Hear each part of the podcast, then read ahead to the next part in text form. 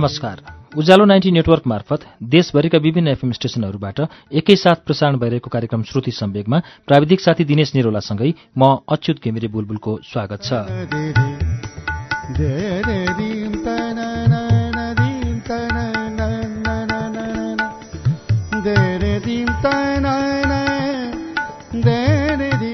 श्रुति सम्वेकको शुक्रबारको श्रृङ्खलामा हामी विगत केही सातादेखि सुबिन भट्टराईको उपन्यास समर लभको वाचन सुन्दै आएका छौं। आज पनि हामीले समर लभको वाचन लिएर आएका छौं। गएको साता हामीले समर लभको दोस्रो श्रृङ्खलासम्म वाचन गर्यौं। दोस्रो श्रृङ्खलामा आइपुग्दा साया र लेखक बीच प्रेम सम्बन्ध स्थापित भएको छ। अब अगाडि के हुन्छ सुनौ समरलभको तेस्रो श्रृङ्खला।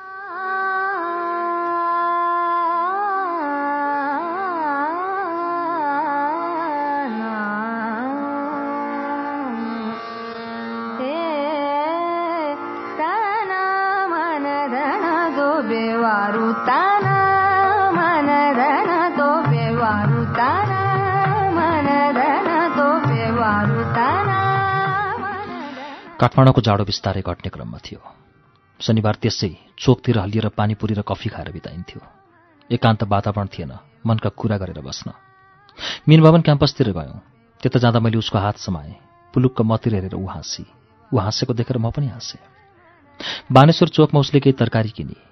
मैले पनि किने। टमाटर आलु उसैले छान्दी। त्यसपछि उसको घर अगाडिको गल्लीसम्म गएँ। त्यहाँभन्दा अगाडि जान उसले निषेध गरी भनी तिमीसित भेट्न आउँदा कति बाहना गरेर आएको हुन्छु। कसैले मलाई तिमीसित देखे भने मेरो बाहना बनाउने टपिक नै सकिन्छ। बाहना के बनायो? जान्न एकदम इच्छा लाग्यो। केटीहरू आफ्नो बोयफ्रेन्डलाई भेट्न के कस्ता बाहना बनाउन सक्छन्? कौतूहल थियो। उसले तरकारीको झोला देखाउँदै भने यी देखेर तरकारी किन्न जाने बाहना ल्याए कि? त्यसपछि पनि कम्तीमा बानेश्वरमा भेट्न आउँदा चाहिँ उसले तरकारी किन्ने बाहना बनाइरहे।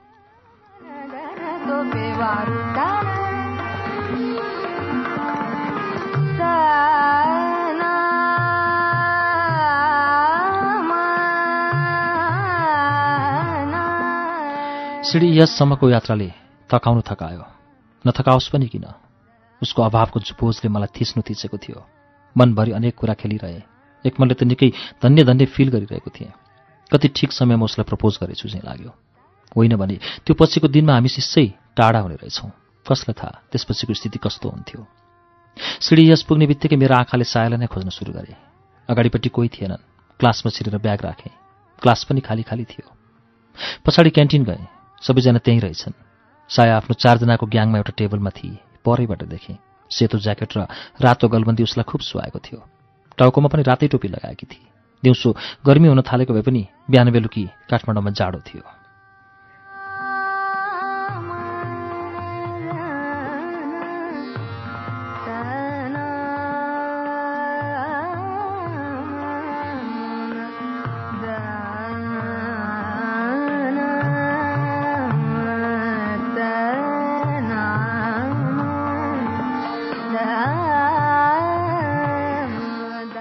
परबाट मलाई देख्न साथ सायाको ग्याङका सबैजना हाँसे।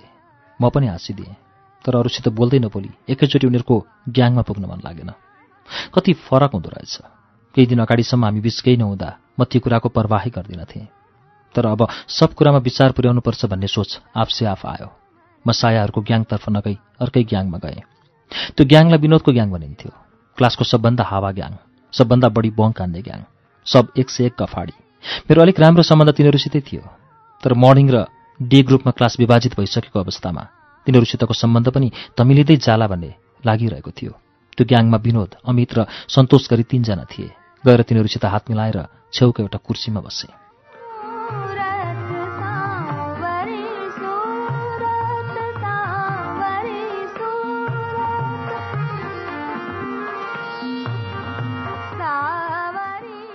अनि तिनीहरूलाई सोधेँ कस्तो रह्यो त? First year practical day. विनोदले नै उत्तर दियो ठिकै भयो यार। सन्तोषले मेरो कान्नेर मुख ल्यायो अनि सायाहरू बसेको ठाउँतिर इसारा गर्दै सोध्यो उता नबसेर किन यता? केटाहरू सब हाँसे। म अबाक भएँ। भित्रभित्रै त मिठो लागिरहेको थियो। तर उनीहरूसित प्रतिवाद गर्ने हिसाबमा भने त्यस्तो होइन। साथी मात्र हो। होला होला। हामीलाई नै थाहा छ।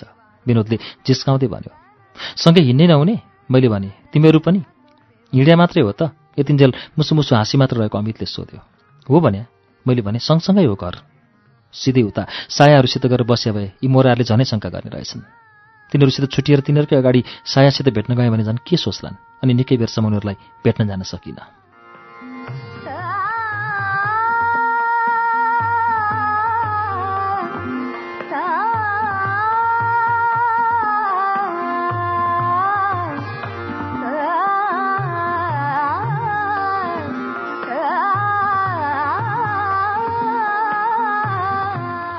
ट्राई गर्दा हुन्छ नि त विनोदले भन्यो। घर पनि सँगसँगै रहेछ। राम्री छे इन्ट्रान्स टपर हो के अरे केटी अलिक घमण्डी छ यार मैले भने सकिन्न। जति घमण्डी भए पनि केटीहरूको मन पग्लिन कति नै टाइम लाग्छ र विनोदले भन्यो। त्यसको त पहिलेदेखि बोयफ्रेन्ड छ जस्तो लाग्छ मलाई अमितले भन्यो। मलाई मनमा नै खुब हाँस उठिरहेको थियो। हाँसो थामेर बसिरहेको थिएँ। अनि अमितलाई नै सोधेँ को रहेछ त्यो? खोइ एक्ज्याक्ट त भन्न सक्दिनँ यार उसले भन्यो। तिमीसितै सेयर हुँदो हो नि बरु। कहाँ त्यस्तो विषयमा कुरा हुनु? मैले भने एकदम फर्मल हाई हेलो मात्र हुन्छ। भएन है यस्तो सन्तोषले भन्यो। देख्दा यतिका दिनदेखि केटी घुमाइरहेछ जस्तो लाग्छ तर फर्मल आइहाल्यो यो त अति भयो। के गरौँ त? मैले भने तिम्रो बोयफ्रेन्ड छ भनेर सोध्नु? के फरक पर्छ र सोद्धा? विनोदले भन्यो। सोध्ने नि छ भने भने चुप लागेर बस्ने छैन भने भने आफै ट्राई मार्ने। अब त झन् सम्भव नै छैन मैले भने। किन? विनोदले आँखी भाउ हल्लाउँदै सोध्यो। यत्रो मर्निङ र डेको पर्खाल छ नआउने टाइम मिल्छ न जाने। ए हो त विनोदले भन्यो। यत्रो दिनसम्म केही गरिसक्या भए हुन्थ्यो अब अप्ठ्यारो छ। त्यसपछि विषयान्तर भयो। केटाहरू क्लास जाने तर्खर गर्न लागे।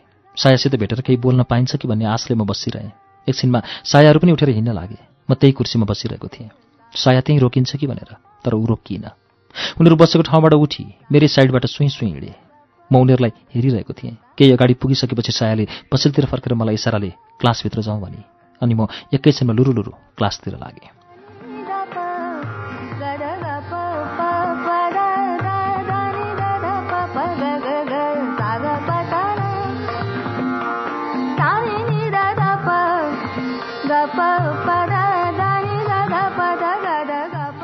कक्षामा पनि पढाइतिर ध्यान जान छोड्यो। अरू बेला कुन ध्यान दिने होला? उनीहरू ठ्याक्कै हामीभन्दा अगाडिको बेन्चमा। म पछाडिबाट उसको कपाल खेलाइराख्थेँ। ऊ एकपल्ट पुलुक पछाडि फर्किन्थे तर प्रतिवाद गर्दिनथे तर मैले त्यसो गरेको देखेर किरणले प्रतिवाद गर्यो। हत नगर्न। के भयो र मैले भने उसलाई थाहा दिइसकेको थिएँ। उसको अगाडि त्यति लाज पनि लाग्दैन थियो। खुलेआम भएन। कसले देख्छ र? मैले भने लास्ट बेन्चमा बसेको यति पनि फाइदा नउठाउनु। भित्ताको कान हुनसक्छ भने आँखा पनि त हुनसक्ला उसले हाँस्दै भन्यो जेसुकै होस्। मैले भने बाल मतलब? त्यसपछि चुप लाग्यो। उसको सिल्की कपालको स्पर्श पाउँछु भने म त्यस्ता जावा भित्ताहरूको के वास्ता राख्थेँ पहिलो पहिलो प्रेम धेरै दिन यसै गरी गरियो। उसको सामिप्यबाट टाढा हुनु अनि नजिकै भए पनि टाढा भइदिनुपर्ने व्यवस्था पाल्नु योभन्दा दिगदारी अरू केही होला। तर एउटा दिन अरूभन्दा भिन्न भएर आइदियो।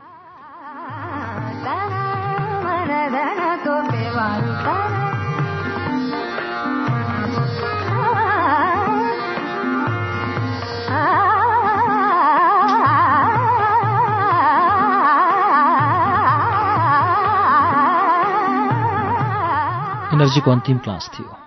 प्रोफेसर शम्भुप्रसाद तिमिल सिन्हाको आँखै डर लाग्दा पाकेको अकबरे खुर्सानी जस्ता थियो उनका आँखा। आवाज पनि डर लाग्दो अलिकति ठुलो बोल्यो भने पुरै क्लासमै कम्पन छुटे जस्तो हुन्थ्यो। सिडी यसमा एउटा जोक व्याप्त थियो। फर्स्ट इयर र सेकेन्ड इयर दुइटै क्लासका भित्ता प्रोफेसर तिमिल सिन्हाको बोलीले चर्किएका हुन्। यस्ता प्रोफेसरको क्लासमा हल्ला गरेर कुन विद्यार्थी मुटुको भल्भ चर्काउन चाहँदो? उनको क्लासमा लगभग पिन ड्रप साइलेन्स हुन्थ्यो। उनको पनि एउटै आग्रह थियो। बरु उनको लेक्चर नसुन्यो भने तर आवाज निकाल्न नपाइने। सायाले मलाई एउटा सानो डल्लो परेको कागजको टुक्रो हातमा थमाई। खोलेर हेरेँ। एउटा प्रश्न लेखिएको थियो। आज के को प्र्याक्टिकल मैले त्यसैका पछाडिपट्टि लेखिदिएँ। इकोलोजी उसले फेरि एकछिनमा अर्को कागज थमाई। त्यसमा लेखेकी थिए आज बङ्क हान्छौ? यस्तो रहेछ कुरा। मैले सिधै उत्ताउलिएर जान्छु भन्नुभन्दा पनि यसो लेखेँ मेरो प्र्याक्टिकल छोड्दैन? उसको शरीर र मुहार तिमिलचनाको लेक्चरतर्फ केन्द्रित थियो। तर एउटा हात पछाडि फर्काएर चिठी दिनेर लिने कारोबार गरिरहेकी थिए। मेरो जवाफ पढेपछि उसले पुनः लेखी म सिकाइदिउँला नि। त्यसपछि थप प्रतिवाद गरेर भाउ खोज्न मन लागेन। लेखेँ त्यो शर्तमा त हुन्छ।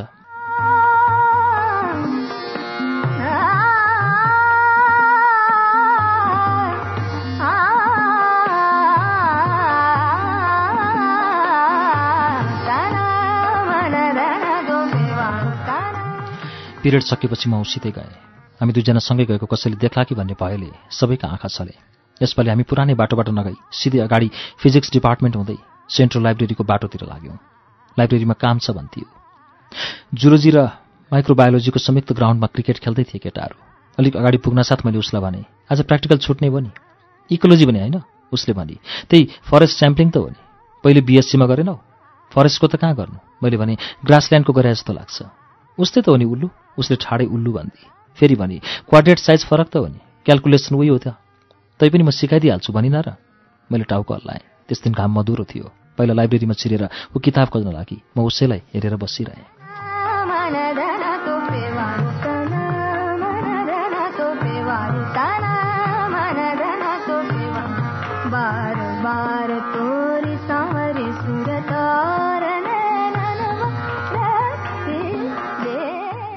के ट्वाललाई हेरिरा? सहयोग गर न उसले भने। के सहयोग गरौँ? मैले भने। किताब खोज्न सहयोग लाटा? मलाई उसले लाटा भनेको मन परेन। झर्केर भने कुन किताब? कोरमण्डोको इकोलोजी। कोरमण्डीको इकोलोजी त उतै सिडिएसको लाइब्रेरीमै थियो त। मैले भने सब अरूले लगेका छन् एउटै भेटिएन। उसले भने कति पढन्थे भएका साथीहरू? मैले भने सब तिमी जस्तै लम्फू हुन्छन् त? उसले फेरि हेपी मलाई तैपनि चुप लागे। उसले एक्कासी सोधी तिमीले लाइब्रेरी कार्ड बनायो? ल भएन त फसाद। छैन भनौँ भने अझ हेप्ती छ भनौँ भने खोइल्याउ त भनेर पनि बेर लाउन्न थिए आफ्नै प्रेमिका हो सत्य नै भने। त्यसै लम्फू भन्छु त म। उसले आफ्नै भनाइ सही साबित भएकोमा मक्ख पर्दै मलाई व्यङ्ग गरे।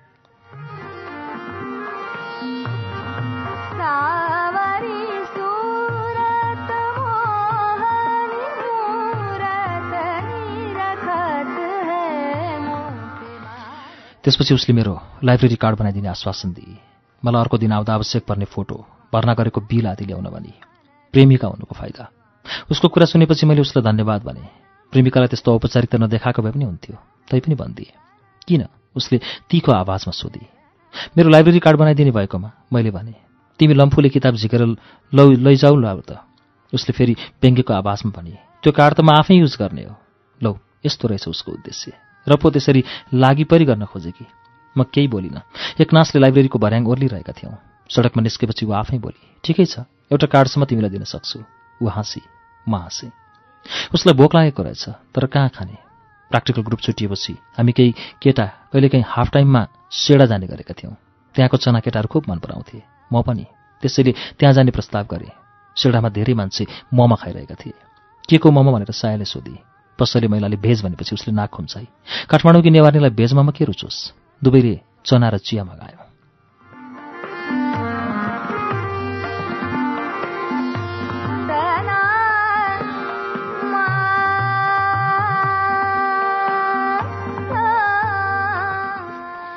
त्यसपछि हामी एजुकेसन डिपार्टमेन्ट अगाडिको पिचबाट हुँदै तिनकुनीतिर लाग्यौँ। पुस्तक पसल अगाडि गुजुमुज्ज मान्छेको भिड थियो। कोही यसकै परिचित भेटिन्छन् कि भन्नेमा पनि बढी सतर्क रहँदै हिँड्यौँ। तिनकुनी कटेर अलिकति तलबाट देब्रेतिरको कोरोनेसन गार्डनमा छिर्यौँ। वाउ सायासित प्रेम भएपछिको पहिलो एकान्त। अलिअलि डर अलिअलि रोमाञ्च अलिअलि खोलदुली सबै भावहरू प्याकेजमै म भित्र प्रविष्ट भएका थिए। हामी भित्रपट्टि छिरेर काइयोको रुखमुन्तिर बस्यौँ। हरियो घाँस थियो। बस्नलाई राम्ररी मिल्ने गरी।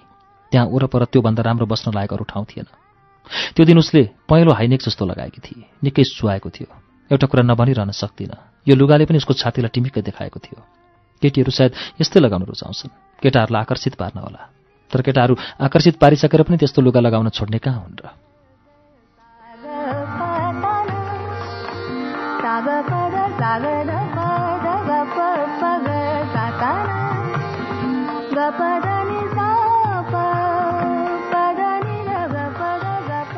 सायासित सबभन्दा नजिक भएको दिन थियो त्यो।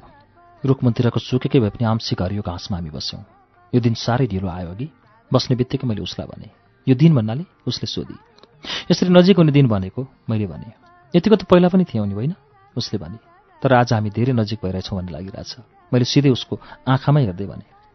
ऊ पनि एकटकले मेरो आँखामै हेरिरहेकी थिए। हाए कस्तो अचम्म। जुधिरहेका त हाम्रो आँखा थिए तर कम्पन सिधै मुटुमा पुगेको थियो। मानव शरीर विज्ञानको लीला।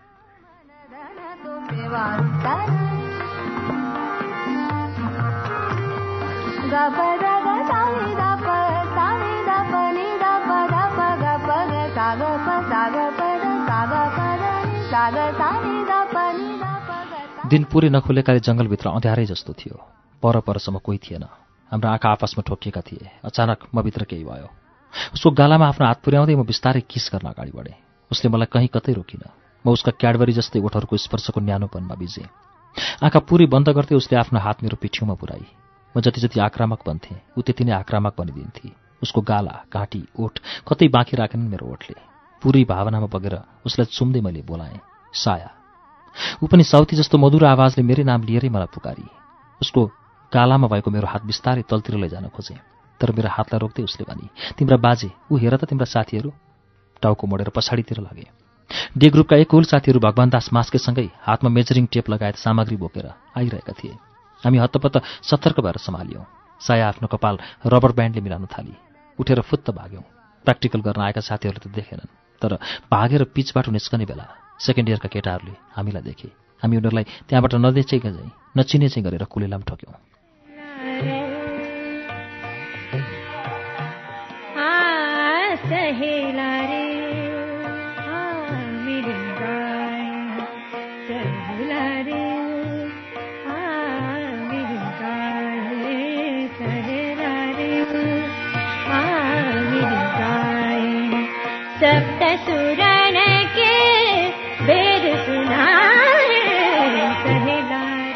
छ महिना पुरै प्र्याक्टिकल रफ्तारमा बढेको थ्योरी क्लासमा केन्द्रित रह्यौँ। फर्स्ट इयरको कोर्स पनि लगभग सकिने तर्खरमा थियो। भदौको महिना। सिडिएसले हरेक वर्ष भदौमा फर्स्ट इयरका विद्यार्थीहरूलाई पोखरा फिल्ड ट्रिपमा लग्थ्यो। टुर जम्मा जम्मै एक हप्ताको हुन्थ्यो। फिल्ड जानुभन्दा अगाडि हामीलाई फिल्डमा के काम गर्ने? कसरी गर्ने भन्ने बारे ओरिएन्टेसन लेक्चर दिइयो। ओरिएन्टेसन सुनिसक्दा हामीले बुझ्यौँ। पोखरा हामीलाई घुम्न होइन प्र्याक्टिकल गर्न लगिँदैछ। ओरिएन्टेसनमा हामीलाई अन्तिम दिन मात्र घुमाइनेछ भनिएको थियो। यसैबाट स्पष्ट हुन्थ्यो। हाम्रो पोखरा भ्रमणको औचित्य साथै अर्को यो कुरा पनि भनिएको थियो। भ्रमणमा जाने आउने भाडा र खानाको लागि दिनको पचास रुपियाँ कलेजबाट प्राप्त हुनेछ। अरू खर्च सबै आफै बिहोर्नुपर्ने।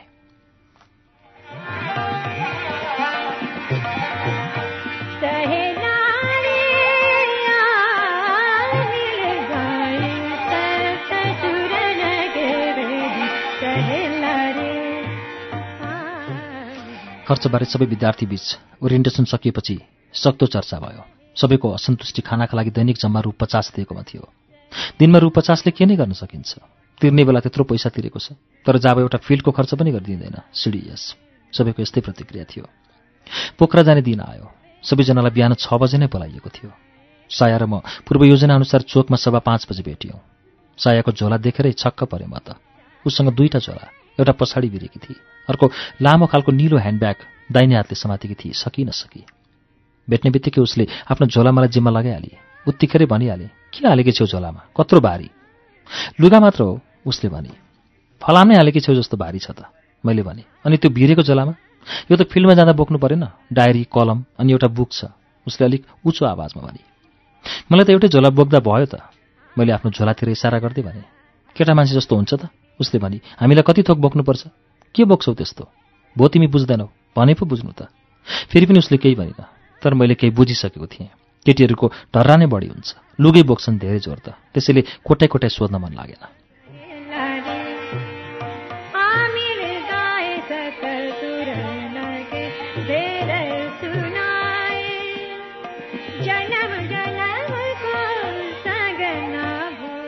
भर्खर भर्खर झिसमिसी उज्यालो सुरु भएको थियो। चहल पहल एकदमै कम। बिहान चाँडै भएकाले चिया पिउन पनि भ्याएको थिएन। वाणिज्य बैङ्क अगाडि बाटोमा एकजना दिदी चिया बेच्थिन्। मैले सायालाई भने साया चियाको तलतल लाग्यो। मलाई पनि। उसले त्यहीँ पारी बाटोमै पाकिरहेको चिया खुवाउन लागे। यही ठाउँमा कतिपटक बेलुका चिया खान जाउन भन्दा उसले मानेकी थिएन। बेलुका भिडभाड ज्यादा भएर होला। सेतो टी सर्ट र कालो जिन्स लगाएकी थिए उसले। पुरै कन्ट्रास्ट ड्रेस थियो त्यो। खुब म्याच गरेको। एक थोक मैले भन्नै पर्छ। क्लासमा थोरै मात्र केटी थिए जसको ड्रेसअप सेन्स राम्रो थियो। त्यसमध्ये साया पनि थिए। ऊ प्रेमिका भई भनेर भनेको होइन। सुरुकै दिनदेखि मैले अनुभव गर्दै आएको थिएँ। कस्तो मिठो चिया। चिया खान सुरु गर्ने बित्तिकै उसले दिएको प्रतिक्रिया। नमिठो चिया पाइने ठाउँमा तिमीलाई ल्याउँछु त? मैले यसरी भने मानौ उसलाई चिया पकाएर खुवाउने नै मै हुँ। ऊ ओठले पारेर एकपल्ट खिसीको भाव भङ्गिताका साथ हाँसी अनि आफ्नो सम्पूर्ण ध्यान चियामै केन्द्रित गरे।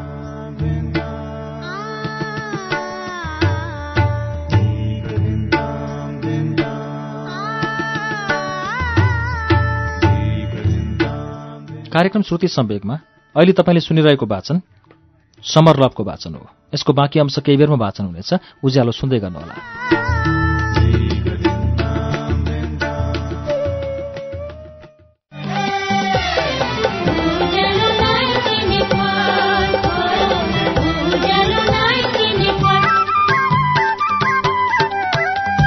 सीधा कुरा प्रश्न विचार।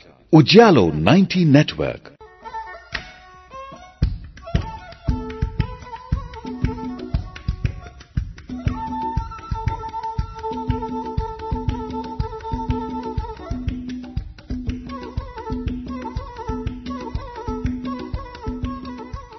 कार्यक्रम श्रुति सम्वेगमा पुनः स्वागत छ। तपाईँ अहिले उज्यालो नाइन्टी नेटवर्क काठमाडौँसँगै देशभरिका विभिन्न एफएम स्टेशनहरूबाट एकैसाथ कार्यक्रम श्रुति सम्वेक सुनिरहनु भएको छ। श्रुति सम्वेगमा हामी आज सुबिन भट्टराईको उपन्यास समरलभको वाचन सुनिरहेका छौं। अब यसको बाँकी अंश वाचन सुनौ।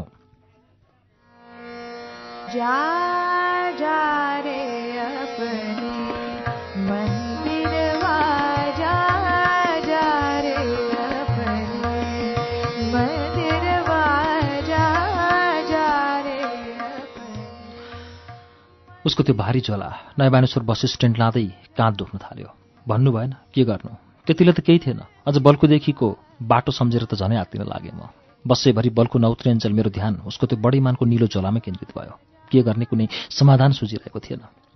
बल्खु झरियो। त्यति नै बेला झोलाको बोझले गर्दा कनिकोती एउटा आइडिया आयो। उसले कस्तो प्रतिक्रिया देखाउली भन्ने मात्र थियो। मैले तत्कालै उसलाई भने सिडी यससम्म ट्याक्सीमा जाउँ उसले हुन्छ भने हामीले ट्याक्सी रोक्यौँ र सिडी यसतर्फ लाग्यौँ। त्यहाँ चलपल थियो। म चिया पिइरहेको एउटा ग्याङमा गएर मिसिएँ र पुनः अर्को कप चिया पिउन लागेँ। सिडी यसमै दुई कप चिया पिइयो। नौ बज्यो तर बस आउने कुनै लक्षण थिएन। त्यति नै बेला ल्याबमा काम गर्ने उमेश दाईले खबर गरे हामीलाई पोखरा लाने बस बिग्रेर थन्किएको छ। विद्यार्थीहरू गाईगु गर्न थाले। बस खोज्नु पर्यो।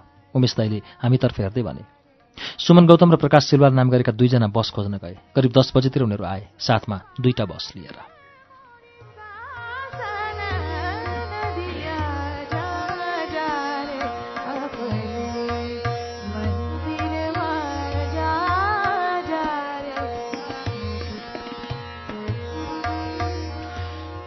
केटाहरू एउटा बसमा केटीहरू अर्को बसमा। बस हिँड्यो साढे दस बजे। रमाइलो गर्ने खालका केटाहरू लास्ट चितिर बसे। उनीहरू भेज ननभेज दुवै प्रकारका गफ गर्दै घरि गीत गाउँदै नाच्दै हाहा हुहु गर्दै मनोरञ्जन लिइरहेका थिए। म भने त मोबाइलबाट सायालाई मिस कल दिन्थेँ। ऊ पनि मलाई मिस कल फर्काइरहेकी थिए। धेरै भएपछि एकपल्ट त मैले एउटा एसएमएस पठाएँ सिर्फ यति लेखेँ के हुँदैछ? उसको रिप्लाई एकैछिनमा आयो अन्ताक्षरी तिमी आऊ न। कसरी? मैले लेखी पठाएँ। उसले जवाफ फर्काई रोकेको बेलामा केटीहरूको हुलमा? अँ केटीहरूको हुलमा आउन आग्रह गर्दै ऊ के प्रतिक्रिया दिनु? पोखरा पुग्दा बेलुकाको पाँच बज्यो। गाडी बाबालाई अगाडि गएर रोकियो। केटीहरूको गाडी हाम्रोभन्दा केही बेर अगाडि नै रोकिसकेको थियो। उनीहरू धमाधमा आफ्ना झोला बोक्दै उत्रिरहेका थिए। मेरो ध्यान आफ्नो गाडीबाट ओर्लने बित्तिकै त्यतैतिर गयो। विशेष सायालाई पछ्याउँदै। ऊ आफ्नो गरौँ न गरौँ निलो लामो ब्याग सकि नसकी घिसार्दै थिए। उसले मलाई देखिहाली।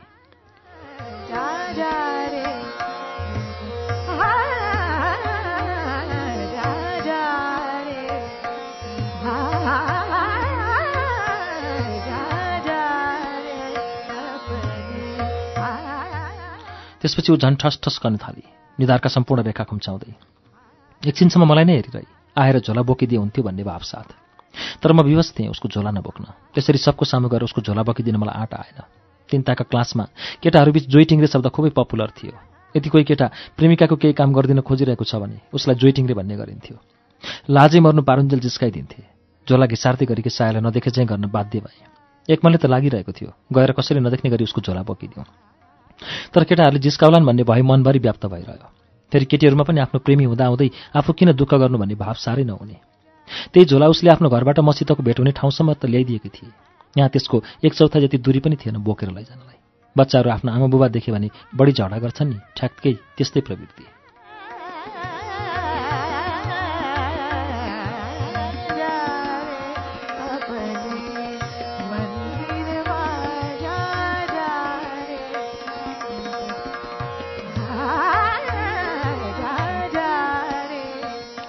ऊ मलाई एकपल्ट आँखा तर्दै रोड क्रस गरेर बाबा लजको भर्याङ उक्लिन लागि।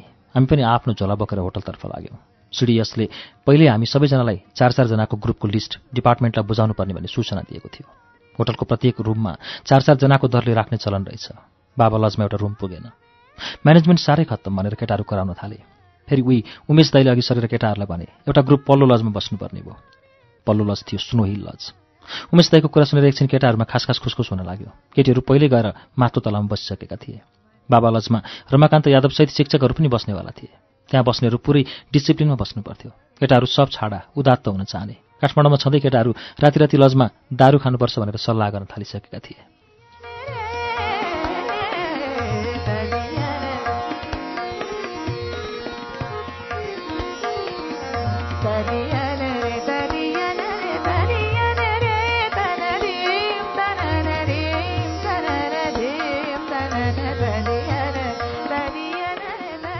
अर्कै लजमा बस्न पाउँदा पिएकोमा पक्राउ पर्ने रिस्क फ्याक्टर त कम हुन जान्थ्यो।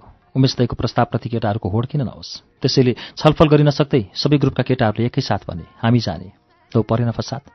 स्नो हिल लजको एउटा रुमका लागि नै हाना थाप भयो यसरी भएन। झगडै होला जस्तो स्थिति हुन लागेपछि उमेश दाईले भने गोला प्रथा गर्छु जसको ग्रुप पर्छ उही जान्छ। यो कुरामा सबैजना सहमत भए। तलको हल्ला र उमेश दाईको ठुलो आवाज सुनेर मास्तिर आफ्नो रुम कब्जा गरेर बसिसकेका साया लगायत केही केटी बार्दलीबाट आएर रमिता हेरिरहेका थिए। मलाई भने बाबा लजमै बस्न मन थियो किनकि साया थिए। खैर ग्रुपको कुरा थियो। रुम पार्टनरहरू तिनैजना हौसिएका थिए। म पनि होइन पल्लो लजमा हामी जाने भनी अझ ती तिनैजनालाई मात गर्ने गरी हल्ला गरिरहेको थिएँ। मनमा जे भए पनि यस्तो देखिरहेको थिएँ कि मानव त्यहाँ भएमध्ये स्नो हिलमा जान सबभन्दा इच्छुकमै छु। अरूले नबुझे पनि सम्भवतः किरणले मेरो नौटङ्की स्पष्ट बुझेको थियो। गोला प्रथा भयो। स्नो हिल हाम्रै भागमा पर्यो। हामी अर्थात् म किरण सुमन विनोद र सन्तोष। मेरो नौटङ्की खेर गएन।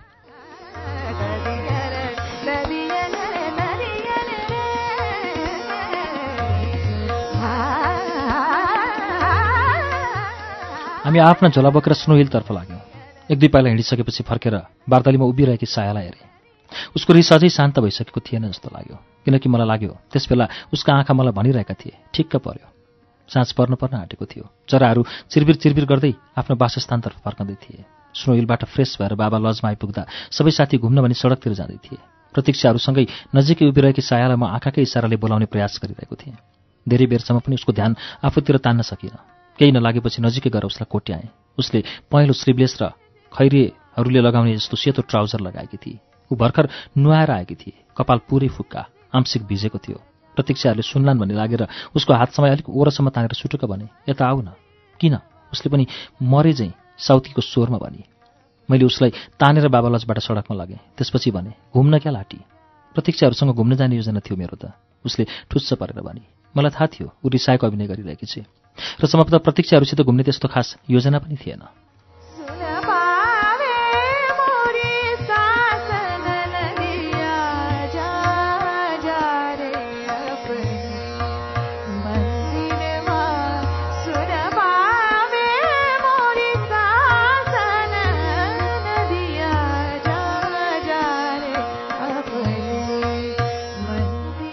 रिस अझै शान्त भएको छैन? मैले आफ्नो हात उसको काँधमा लाँदै भने। आँखाभरि प्रश्नवाचक भावका साथ उसले मलाई हेरी। मैले उसको काँधबाट हात हटाएँ। केही बेर हिँडिएपछि मैले फेरि उसको काँधमा हात राखेँ। उसले आफ्नो आँखाको भावभङ्गी दोहोऱ्याई अनि उसै गरी मैले त्यहाँबाट आफ्नो हात फेरि हटाएँ। तर तेस्रो पल्ट पनि मैले आफ्नो हात उसको काँधमा राखिसकेपछि उसले आफ्नो मन थाम्नै सकेन सकेर मजाले हाँसी। ऊ हाँसेको देखेर मलाई पनि हाँस उठ्यो। त्यसपछि मैले उसलाई कसिलो गरी अँगालेँ। हाँस्दै उसले भने तिमी नि? मैले सोधेँ म के? केही होइन? उसले भने उसको आँसु अझै थामिसकेको थिएन। त्यत्तिकै हाँस्दै ठट्टा गर्दै सडकको किनारामा हिँडिरहेका थियौँ।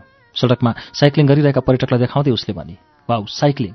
उसले त्यसो भनेपछि मलाई पनि साइक्लिङ गर्ने रहर पलायो। उसलाई साइकलको अगाडिको डन्डीको भागमा राखेर लेक साइड परिक्रमा गरेँ।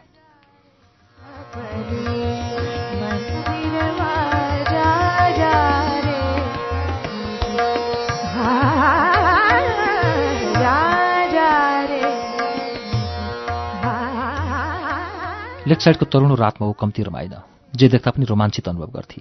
ऊ लेक साइडका सम्पूर्ण गतिविधिलाई आँखाभरि भर्दै हिँडिरहेकी थिए। घरि दायाँतिर हेर्थे घरि बायाँतिर। कुनै कुनै रेस्टुरेन्टमा दोहोरी र नृत्य चलिरहेको हुन्थ्यो। ऊ त्यति बेला साइकल रोक्न लगाउँथे र उभिएर बडो रोमाञ्चित हावभावका साथ हेरिरहन्थे। ऊ लेक साइडका गतिविधिलाई देखेर रोमाञ्चित भइरहेकी थिए भने म उसको साथ पाएर रोमाञ्चित थिएँ। साइक्लिङ गर्दै जाँदा बिचबिचमा हाम्रै साथीहरू पनि भेटिए। उनीहरू पनि साइक्लिङ गर्दै यताउता गरिरहेका थिए। कोही भेट्यो कि हात हल्लाएर बोलाइन्थ्यो। एक किसिमले लेक साइड नै सिँढीमय भएको थियो। साइकल चलाउँदै हामी पामेसम्म पुग्यौँ। पामेको माछा नखाइ त आउनै भएन। मैले माछा खाने अफर गरेँ। भरे भात नरुच्ला नि उसले भनी हाँसियो एकछिन। माछा मिठो थियो। मभन्दा उनै उरुक्क भई। भात नरुचे नरुचोस् भन्दै टन्न खाइ उसले। एकछिन वसुन्धरा पार्कमा गएर बस्यौँ। त्यहाँ बस्दा बस्दै रात झमक्कै पर्यो। त्यहाँबाट सडक पारी देखिने घरहरूमा बलिरहेको झिरमेरी बत्ती कम्ती मोहक थिएन। हामी एकछिनसम्म त्यही वसुन्धरा पार्कमै फेवातालतर्फ आफ्नो अनुहार फर्काएर बसिरह्यौँ। उसले आफ्नो टाउकोलाई मेरो काँधमा अडाएकी थिए म बिछट्टै रमाइरहेको थिएँ।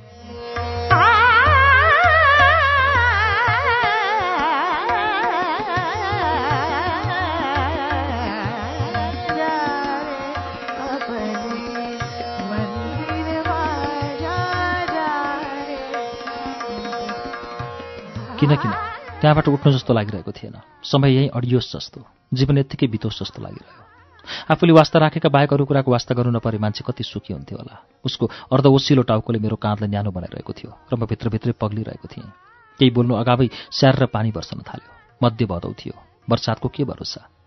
फेरि त्यतिखेर एकैछिन घुम्न त निस्किएको हो नि भन्दै बर्सादी पनि ल्याइएन। हामी सक्दो कुद्यौँ। बाबा लज पुग्दा नित्रुकै भिजिसकेका थियौँ। बाबा लज पुग्ने बित्तिकै मैले उसको कानमा खुसुक्क भने लुगा फेरि आला है? भिजेर उसका भित्री अङ्गहरूको आकार छर्लङ्ग देखिने भइसकेको थियो। उसले मेरो कुरालाई अर्कै हिसाबमा बुझी। भनी भने रातभरि यही लगाएर सुतु कि भन्दै थिएँ म त? बुझ न मैले भने तर मनमा आएको कुरा भन्न सकिनँ। लुगा फेर्न पनि तिमीले सिकाइराख्नुपर्छ उसले अलिक च्याठिँदै भने म केही बोलिन सकिनँ। मेरो आँखा उसको छातीमा पुगेछ। सायद निकै बेर हेरिएछ कि क्या हो? आँखा ठुला पारेर भने तिमी नि? हाँस्दै उसलाई सोधेँ म के? ऊ बाबालजको दोस्रो तला जाने भर्याङ चढ्न थाली। चार पाँच खुड्किला चढिसकेपछि मतिर फर्केर हेरेर भने परवर्ड जाऊं मैं धोबे बलिहारी। जाऊं मैं धोबे बलिहारी। जाऊं मैं धोबे बलिहारी। पोखरामा पाँच दिन पुरै परिश्रममा बित्यो। दिनभरि गदा चाहिँ जोतियो अनि राति पनि दिउँसो गरेको कामको क्यालकुलेसन गर्यो। सायाको ध्यान नरहे। एक किसिमले साथीहरूसँग राति अबेरसम्म बसेर त्यसरी काम गर्दा रमाइलै अनुभव हुन्थ्यो। आफ्नो भागको काम साथीहरूलाई जिम्मा लगाएर म बाथरुममा पछि उसलाई फोन हान्थेँ ऊ काम गर्दैछु सकेपछि आफै गर्छु भन्दै मेरो फोन काट्थे। रातमा उसको फोन आयो। मलाई निद्रा पनि लागिरहेको थिएन उठाएँ। उसले भनी छतमा आऊ न। छतमा पुगेँ। ऊ बाबालजको छतबाट मलाई हात हल्लाइरहेकी थिए।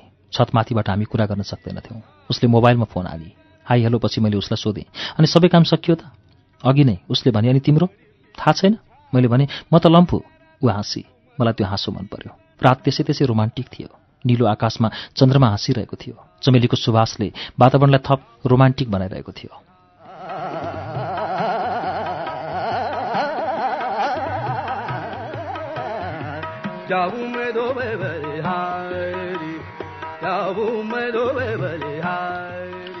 मैले उसलाई सोधेँ निद्रा लागेन? छैन। किन? मलाई थकाइ धेरै लागेपछि निद्रै लाग्दैन। धन्न उसले त्यसै भनिन ऊ पनि त्यसबेला निकै रोमान्टिक मुडमा देखिन्थे। उसले सोधी एउटा कुरा सोच्नु न नाटी भन है? हुन्छ। ढाँट्ने खालको अप्ठ्यारो प्रश्न सोधिनौ भने? अनि एकपल्ट अघिल्तिर झरिरहेको कपाललाई आफ्नो देब्रे हातले पछाडि पुऱ्याएर सोधी तिमीलाई मेरो के कुरा मनपर्छ? लो उसले कस्तो फिल्मी प्रश्न सोधी। भनौँ छिटो। ऊ तल्लो ओठ टोकेर हाँसिरहेकी थिए। केटी मान्छेको सबभन्दा मनपर्ने कुरा त उनीहरूको जेन्डर नै हो साया। यति भनिसकेर म हाँस्न लागे। ऊ रिसाएको अभिनय गर्न लागि।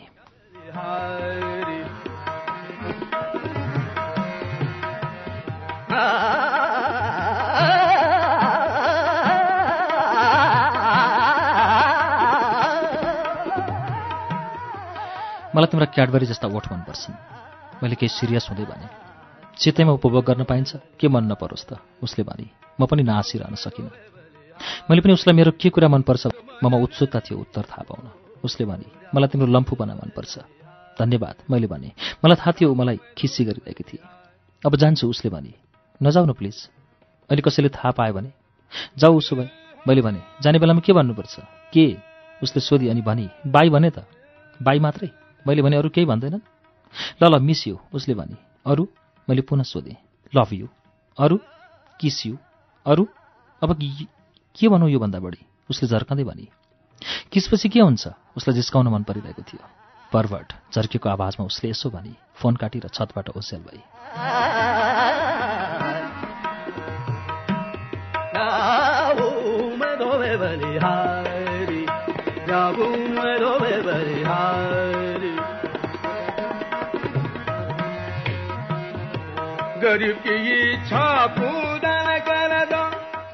कोठामा पुगेको निकै बेरपछि उसको मेसेज आयो।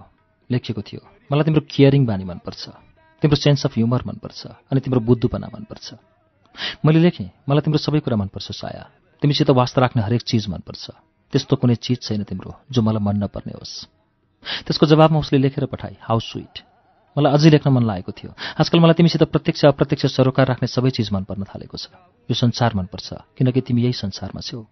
मलाई आजकल आफ्नै नाउँ मन पर्न थालेको छ साया। किन थाहा छ? किनकि तिमी आफ्नो मिठो आवाजले मेरो नाउँलाई सम्बोधन गरेर बोलाउँछौ। मलाई कुनै पनि दिनमा कुनै पनि मोडमा तिरस्कार नगर्नु। तर लेखिनँ। त्यत्रो लामो टेक्स्ट लेख्न कसको जाँगर होस्? लेखेँ गुड नाइट स्विट ड्रिम्स।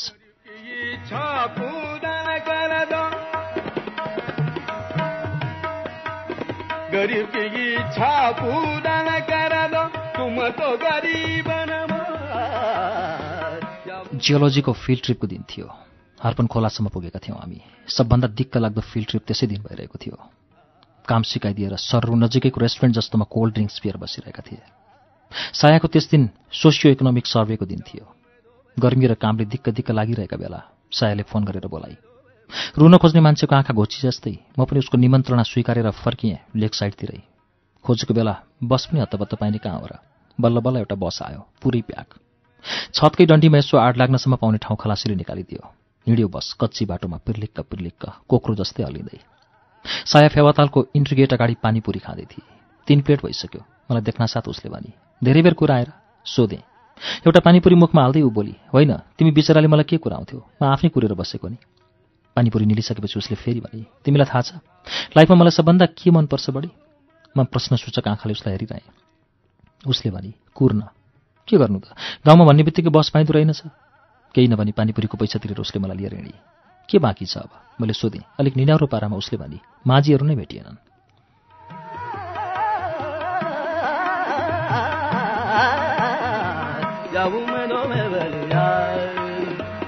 जाऊं सर्पे कोही स्न्यार्स टुरिस्ट र माझीहरूका लागि बनाइएको थियो।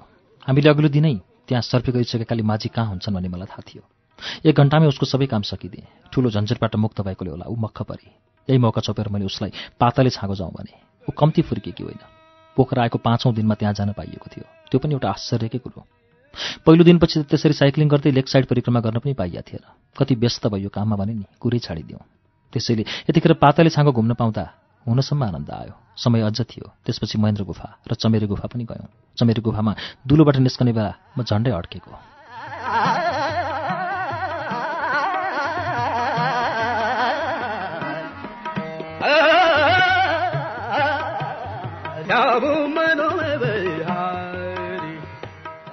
अन्तिम दिन हामीलाई घुमाउन भनेर पहिले बेगनासताल र त्यसपछि लुम्ले लगियो।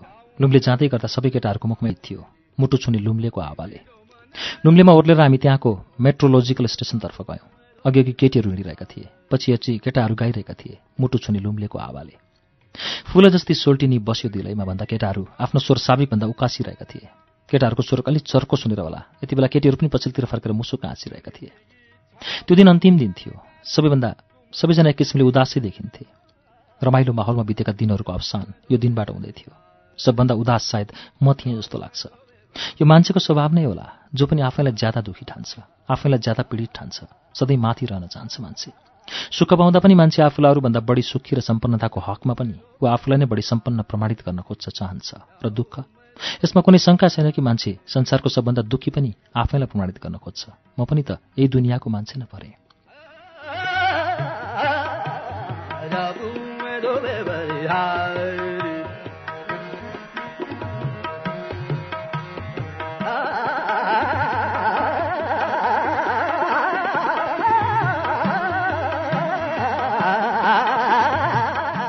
साँझ यसका विद्यार्थी बीच साँझको डिनर डिनरलाई अन्तिम भोज जसरी सेलिब्रेसन गर्ने टुङ्गो लाग्यो। रमाकान्त यादव त्यही दिन प्लेनबाट फर्किसकेकाले हामी सबै छाडा हुने मुडमा थियौँ। साया प्रतीक्षा अनु दिव्या किरण र म सहितको हाम्रो ग्रुप छँदै थियो।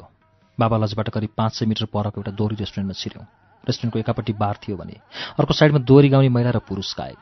रेस्टुरेन्टमा झ्याल ढोका पर्खाल केही थिएन छत मात्र थियो। गएर बस्नसाथ केटीहरूले आफूलाई बियर मगाइहाले र हामीलाई सोधे तिमीहरू के पिउने? किरण हार्ड खाउँ भन्दै थियो। तर मैले पहिले एक एक बोतल बियरै खाउँ भनेर अल्छाएँ मेरो शरीरले रक्सी पचाउँदैन थियो। धेरैपल्ट मैले बान्ता गरेको थिएँ तर यहाँ खान्न भन्नु मर्दाङ्गीबाट च्युत हुनु बराबर थियो।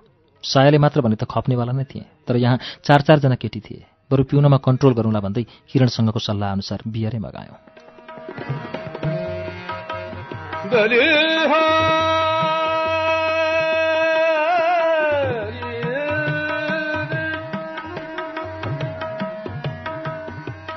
बियर सकिएपछि किरण नै अघि सरेर बोल्यो अब ब्लू रे बान्डाई प्रतीक्षाले भने नाइ भोड्का खाने। प्रतीक्षालाई जित्न के सकिन्थ्यो? उसले वेटरलाई बोलाएर एक एक एक आप भोड्का मगाइहाली। म खान्न खान्न भन्दै थिएँ जबरजस्ती गर्न थालेँ। जबरजस्ती गर्ने प्रतीक्षा नै थिए। साया बरु केही नबोली आँखैले खाउ न भने चाहिँ भाव व्यक्त गरिरहेकी थिए। किरण र अनु प्रतीक्षाको होमा हो मिलाइरहेका थिए। त्यहाँ दिव्या मात्र थिए जो दुई गुटको बियर चाखेर अब केही नखाने भनेर कोल्ड ड्रिङ्क्स खाँदै बसिरहेकी थिए। ऊ चुपचाप बसी मात्र रहेकी थिए। दुई पेक भोड्का खाइसकेपछि म पुरै ज्याप। एक हाफमाथि अझ अर्को क्वार्टर पनि थपेका थिए उनीहरूले।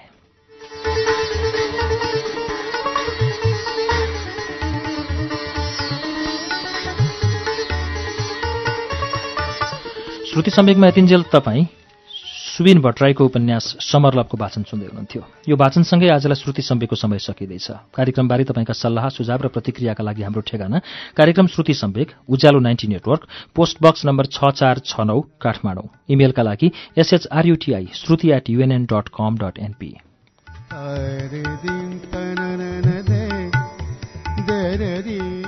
हवस् त। अर्को साता समरलभको चौथो श्रृङ्खला लिएर आउनेछौँ तबसम्मका लागि प्राविधिक साथी दिनेश निरौला र म अच्युत किमिरे बुलबुल विदा चाहन्छौ शुभरात्री